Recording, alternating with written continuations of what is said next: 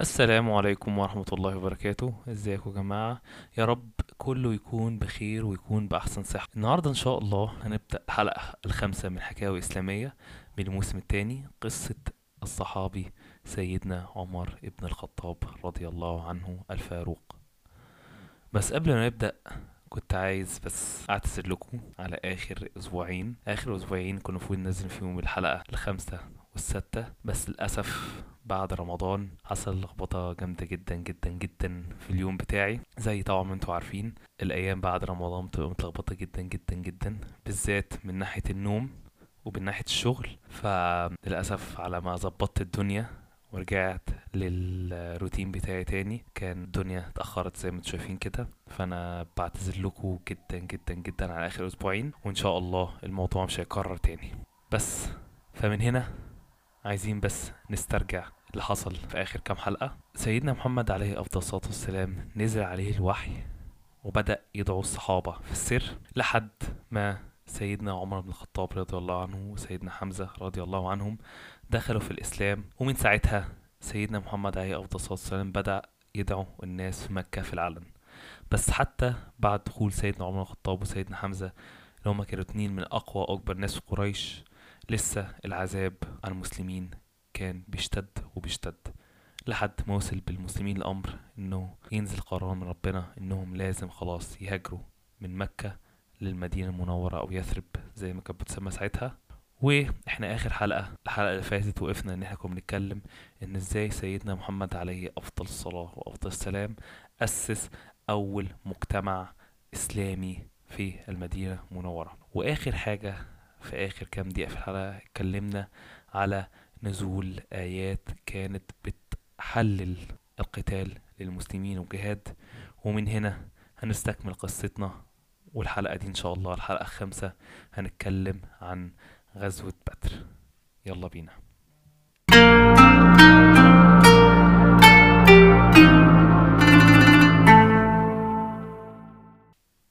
أول ما نزلت الآيات من ربنا سبحانه وتعالى على الرسول عليه أفضل الصلاة والسلام إنه المسلمين حلل ليهم القتال. بدأ الرسول عليه أفضل الصلاة والسلام يجهز المسلمين معنويا ونفسيا للجهاد عشان دي برضو كانت حاجة أول مرة المسلمين يؤمروا بيها وتكون حلال ليهم. وطبعا ربنا مش بيأمر بأي حاجة أو مش بيحلل أي حاجة معينة غير لما يكون عنده حكمة كبيرة جدا. غزوة بدر حصلت في السنة التانية بعد الهجرة يعني بعد سنتين من هجرة الرسول عليه أفضل الصلاة والسلام والمسلمين من مكة المكرمة للمدينة المنورة. وبعد سنتين كان المسلمين بدأوا لحد كبير يستقروا وبدأت المدينة تاخد تبدأ تاخد شكل المجتمع اللي إحنا نعرفه دلوقتي المجتمع اللي يتعايش مع بعضه.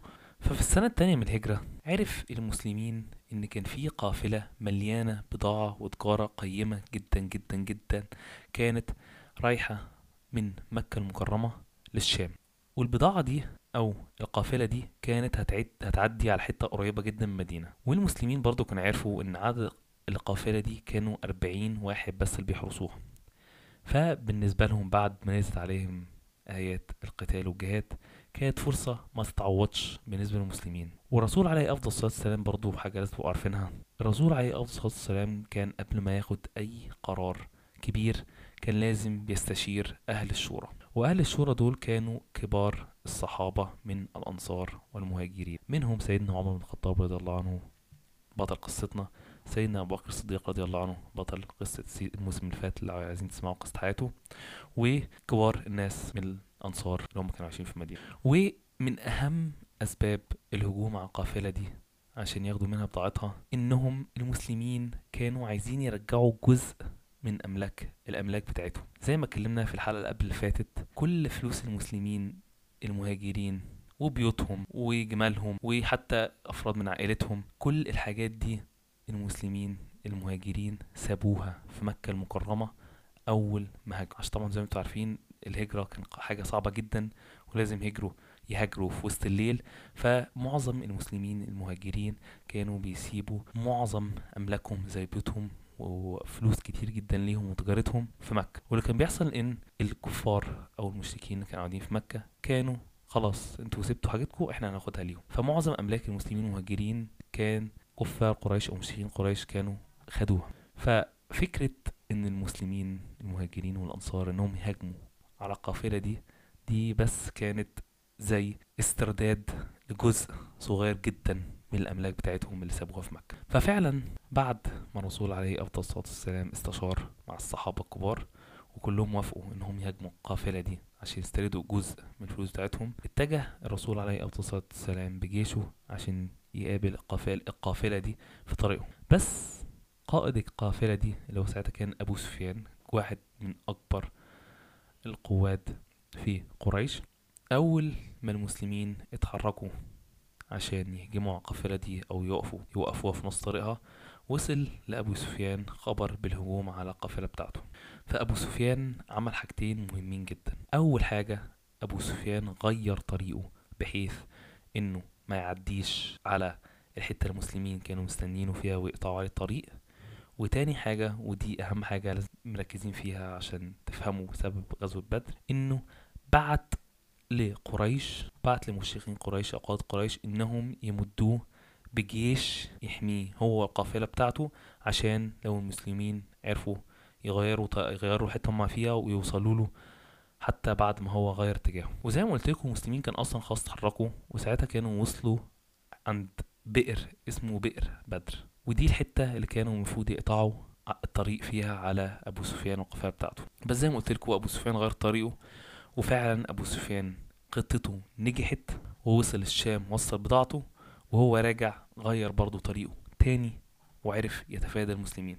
ومن هنا وصل أبو سفيان مكة المكرمة من رحلة التجارة دي. سالم وآمن من غير أي خسائر ومن غير ما يحصل له أي حاجة. بس ساعتها زي ما قلت كان بعت خبر لقريش إنهم يجهزوا جيش وكان قائد الجيش ده أو الشخص اللي كان مسؤول عن تجهيز الجيش ده كان أبو جهل.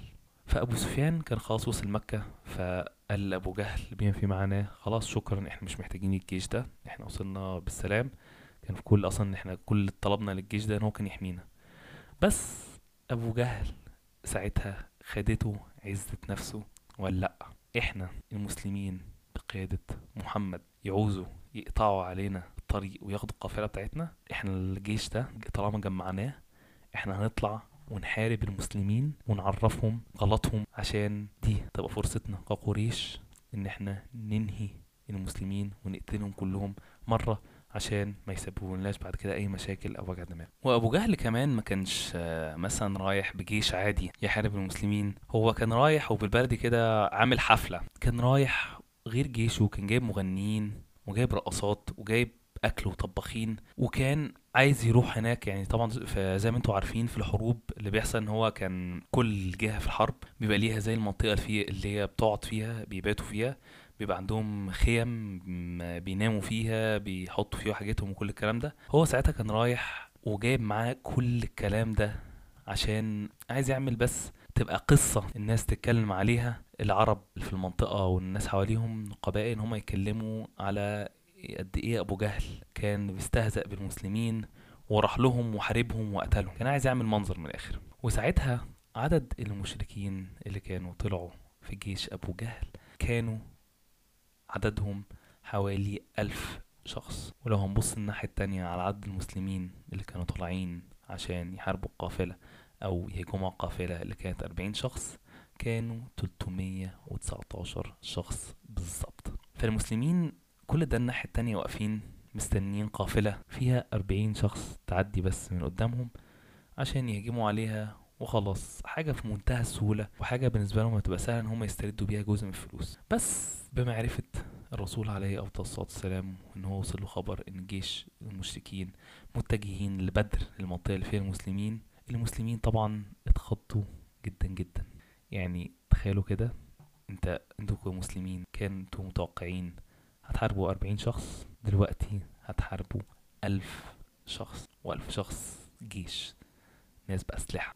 وفي ناس طبعا ده طبيعي خافت جدا من الموضوع ده. فساعتها ربنا نزل آيات في سورة الأنفال كما أخرجك ربك من بيتك بالحق وإن فريقا من المؤمنين لكارهون يجادلونك في الحق بعدما تبين كأنما يساقون إلى الموت وهم ينظرون وإذ يعدكم الله إحدى الطائفتين أنها لكم وتودون أن غير ذات الشوكة تكون لكم ويريد الله أن يحق الحق بكلماته ويقطع دابر الكافرين. ليحق الحق ويبطل الباطل ولو كره المجرمون. وأول آية كما أخرجك ربك من بيتك بالحق وإن فريقا من المؤمنين لكارهون. وإن هو ربنا خرجكم من بيوتكم وإن جزء من المؤمنين ما كانوش مبسوطين من حاجة زي كده إن هم طالعين يحاربوا. وهنا اللي هو وتالت آية وإذ يعدكم الله الله إحدى الطائفتين أنه لكم وتودون أن غير ذات الشوكة تكون لكم. من هو إحدى الطائفتين دي؟ اللي هو الطائفتين ربنا بيتكلم على القافلة اللي كان عددها أربعين شخص والجيش اللي عدده ألف شخص. وإن هما طبعا المسلمين كانوا عايزين يحاربوا الأربعين شخص وياخدوا اللي هو تودون غير ذات ذات الشوكة. تاخدوا اللي هو تحاربوا الناس أو تحاربوا القافلة اللي هي تبقى سهلة من غير أي مشاكل. ربنا بيقول ويريد الله أن يحق الحق بكلماته ويقطع دابر دابر الكافرين إن هو ربنا عايز يعز الإسلام ويخلي كلمة الحق هي الصح ويقضي على الكافرين أو يقطع دابر الكافرين هو يقضي على الكافرين وساعتها الرسول عليه أفضل الصلاة والسلام تاني استشار كبار الصحابة وسألهم إيه اللي المفروض يتعمل؟ عشان برضه ساعتها هم ما كانوش جاهزين قوي إنهم يحاربوا المشركين. أو الجيش اللي هو مكون من ألف شخص. فساعتها كل الصحابة من المهاجرين وقفوا جنب الرسول عليه الصلاة والسلام وقالوا له إنهم هيحاربوا معاه في أي مكان. وساعتها برضه كان مهم أوي يستشير الأنصار اللي هم أهل المدينة عشان في بيعة العقبة وبيعة العقبة ده زي كان الاتفاق ما بين رسول عليه أفضل الصلاة والسلام وأهل المدينة قبل ما يهاجر ليهم. وبيعة العقبة دي اللي هي اللي كانت اتفاق ما بينهم دي كانت بتنص على حقوق وواجبات كل من الرسول عليه الصلاة والسلام والأنصار اتجاه الأنصار هم أهل مدينة اتجاه الرسول عليه الصلاة والسلام. زي إن هو الرسول المهاجرين هيعيشوا عنده هيعيشوا عندهم زي إن هم الأنصار هيحموا الرسول عليه الصلاة والسلام في المدينة ويحموا المهاجرين. ففي بيعة العقبة كانوا الاتفاق إن هم هيحموا الرسول عليه الصلاة والسلام جوه المدينة. بس ساعتها وهم في بئر بدر كانوا بره المدينة. وده ما كانش فيه حاجة مكتوبة في بيعة العقبة ليها علاقة بحماية الرسول بره المدينة أو إن هم حاربوا الرسول بره المدينة. فالرسول عليه الصلاة والسلام سألهم أو تشاور معاهم في الحتة دي. فواحد من كبار النصارى قال له لقد آمنا بك وصدقناك وشهدنا أن ما جئت به هو الحق وأعطيناك على ذلك عهودنا ومواثيقنا. على السمع والطاعة. فأمضي يا رسول الله لما أردت فهو الذي بعثك بالحق لو استعرضت بنا هذا البحر فقدته لخضناه معك. ما تخلف منا رجل واحد. وما نكره أن تلقى بنا عدونا غدا. إن لصبر في الحرب الصدق عند اللقاء. ولعل الله يريك منا ما تقر به عينك فسر على بركة الله. هو كلام في منتهى الجمال إن هو إحنا معاك يا رسول الله صلى الله عليه وسلم. في اي حاجة هتعملها إحنا شهدنا إن كل حاجة أنت قلتها هي الحق من ربنا وإحنا مدينك عهدنا. وأنت يا رسول الله وسلم لو عايز تتعدي البحر ده كله هنعديه معاك. ومفيش راجل من واحد بس مش هيعدي معاك. فيعني بصوا الإيمان بالرسول عليه أفضل الصلاة والسلام والإيمان بربنا حاجة في منتهى الروعة. يعني أنا قصة الأنصار وقصة وقفتهم مع المهاجرين بتخليني والله يعني أحب أهل المدينة جدا جدا يعني. وحاجة تفرح الصراحة.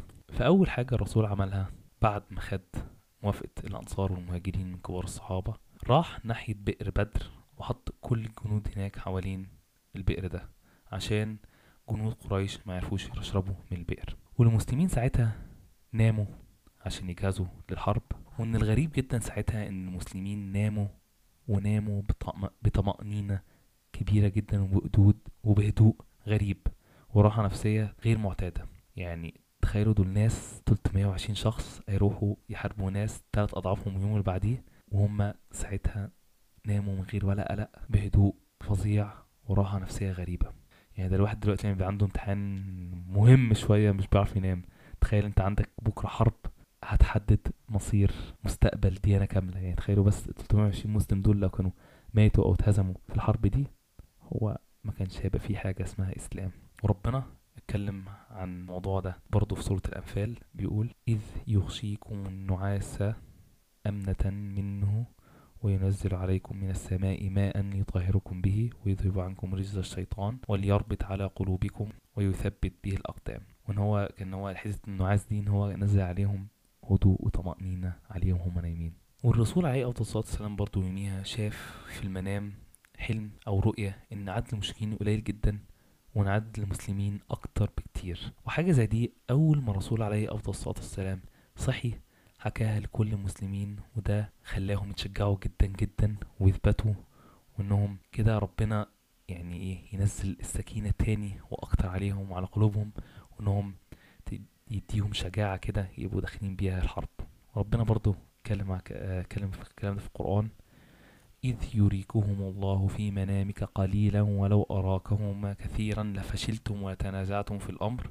ولكن الله سلم إنه عليم بذات الصدور. هو ربنا بيتكلم هنا إن هو على موقف إن هو ورى رسول عليه أفضل الصلاة والسلام عددهم إن هو كان قليل بالنسبة لهم عشان بس يثبت المسلمين على وضعهم ويقوي العزيمة والشجاعة في قلوبهم. وبدأت المعركة اليوم اللي بعده أول ما صحيوا ولو متابعين حكاوي إسلامية من أول السيزون اللي فات كان في بداية الحروب في الفترة دي قبل ما الحرب تبدأ قبل ما الجيشين كلهم يلتحموا بعض كان كل جيش كل طرف بيطلع بيطلع فرد لتلاتة من عندهم ودول كانوا بيطلعوا في النص ويبارزوا بعض لحد الموت وده كان بمثابة استعراض أو طريقة إن اللي بيكسب كان بياخد همة وثقة أكتر والشخص التاني اللي كان بيخسر كان همته وشجاعته بتقل. واللي حصل ساعتها اللي كان طلع من المسلمين كان حمزة بن عبد المطلب وعلي بن أبي طالب وصحابي تالت والتلاتة طلعوا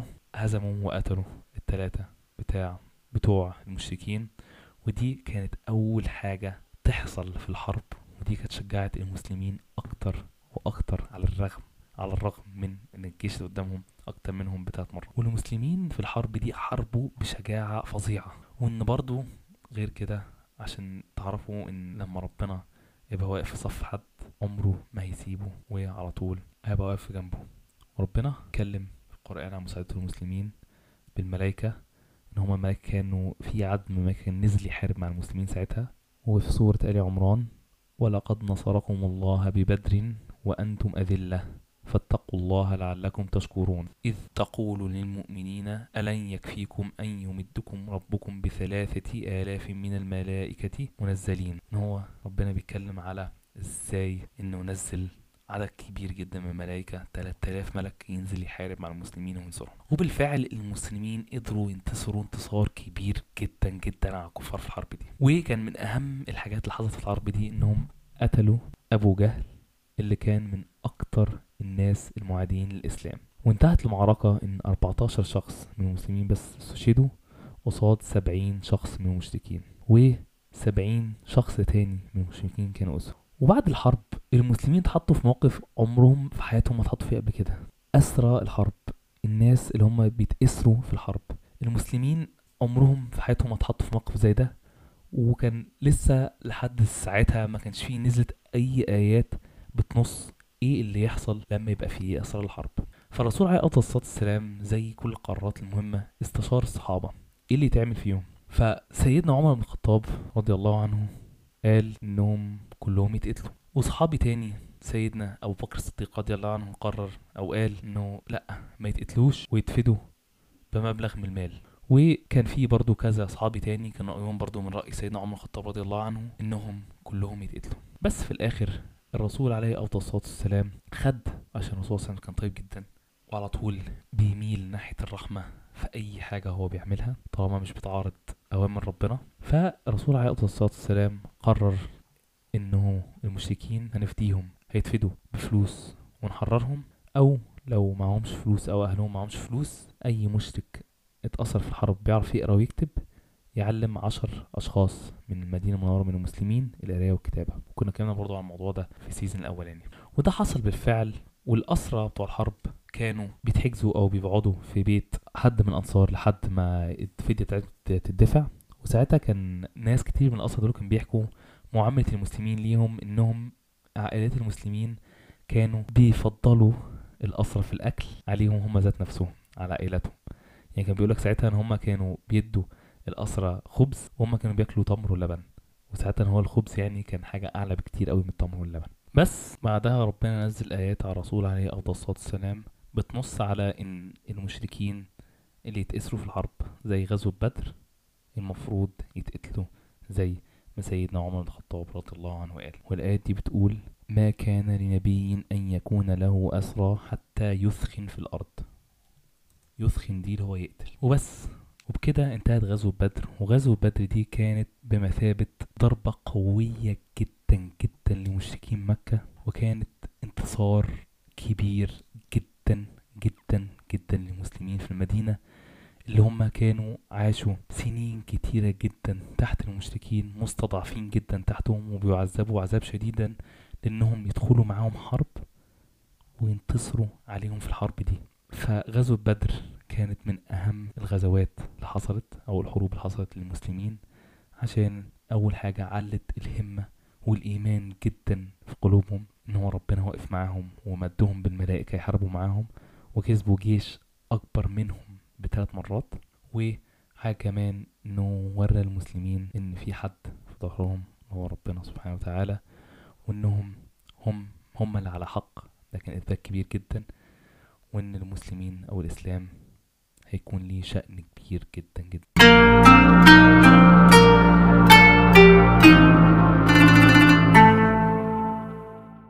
الحمد لله والصلاة والسلام على رسول الله عليه أفضل الصلاة والسلام. يا رب يا جماعة الحلقة تكون عجبتكم. وتاني عايز أعتذر لكم اعتذار شديد جدا على آخر أسبوعين. فعلا والله كنت مضغوط جدا جدا في الشغل وكان نومي للأسف مش مظبط خالص. وشكرا لكل الناس اللي صبروا الأسبوعين دول لحد ما ننزل الحلقة دي. ويا رب يا جماعة الحلقة تكون عجبتكم. وبرضو زي كل مرة لو أي حد عنده أي تعليقات يبعتها لي على إنستجرام اللي هو حكاوي إسلامية أو Islamic Stories Podcast. وأنا إن شاء الله أرجع وأرد عليكم. ولو عجبكم البودكاست زي كل مرة قولوا لأصحابكم يسمعوها عشان نقدر نوصل لأكبر عدد من الناس. ونقدر نعرف الناس أكتر عن تاريخ إسلامنا وتاريخ الصحابة اللي كانوا من أهم الناس بعد الرسول عليه أفضل الصلاة والسلام إنهم يوصلوا الدين لينا زي ما هو دلوقتي. وشكرا والسلام عليكم ورحمة الله وبركاته.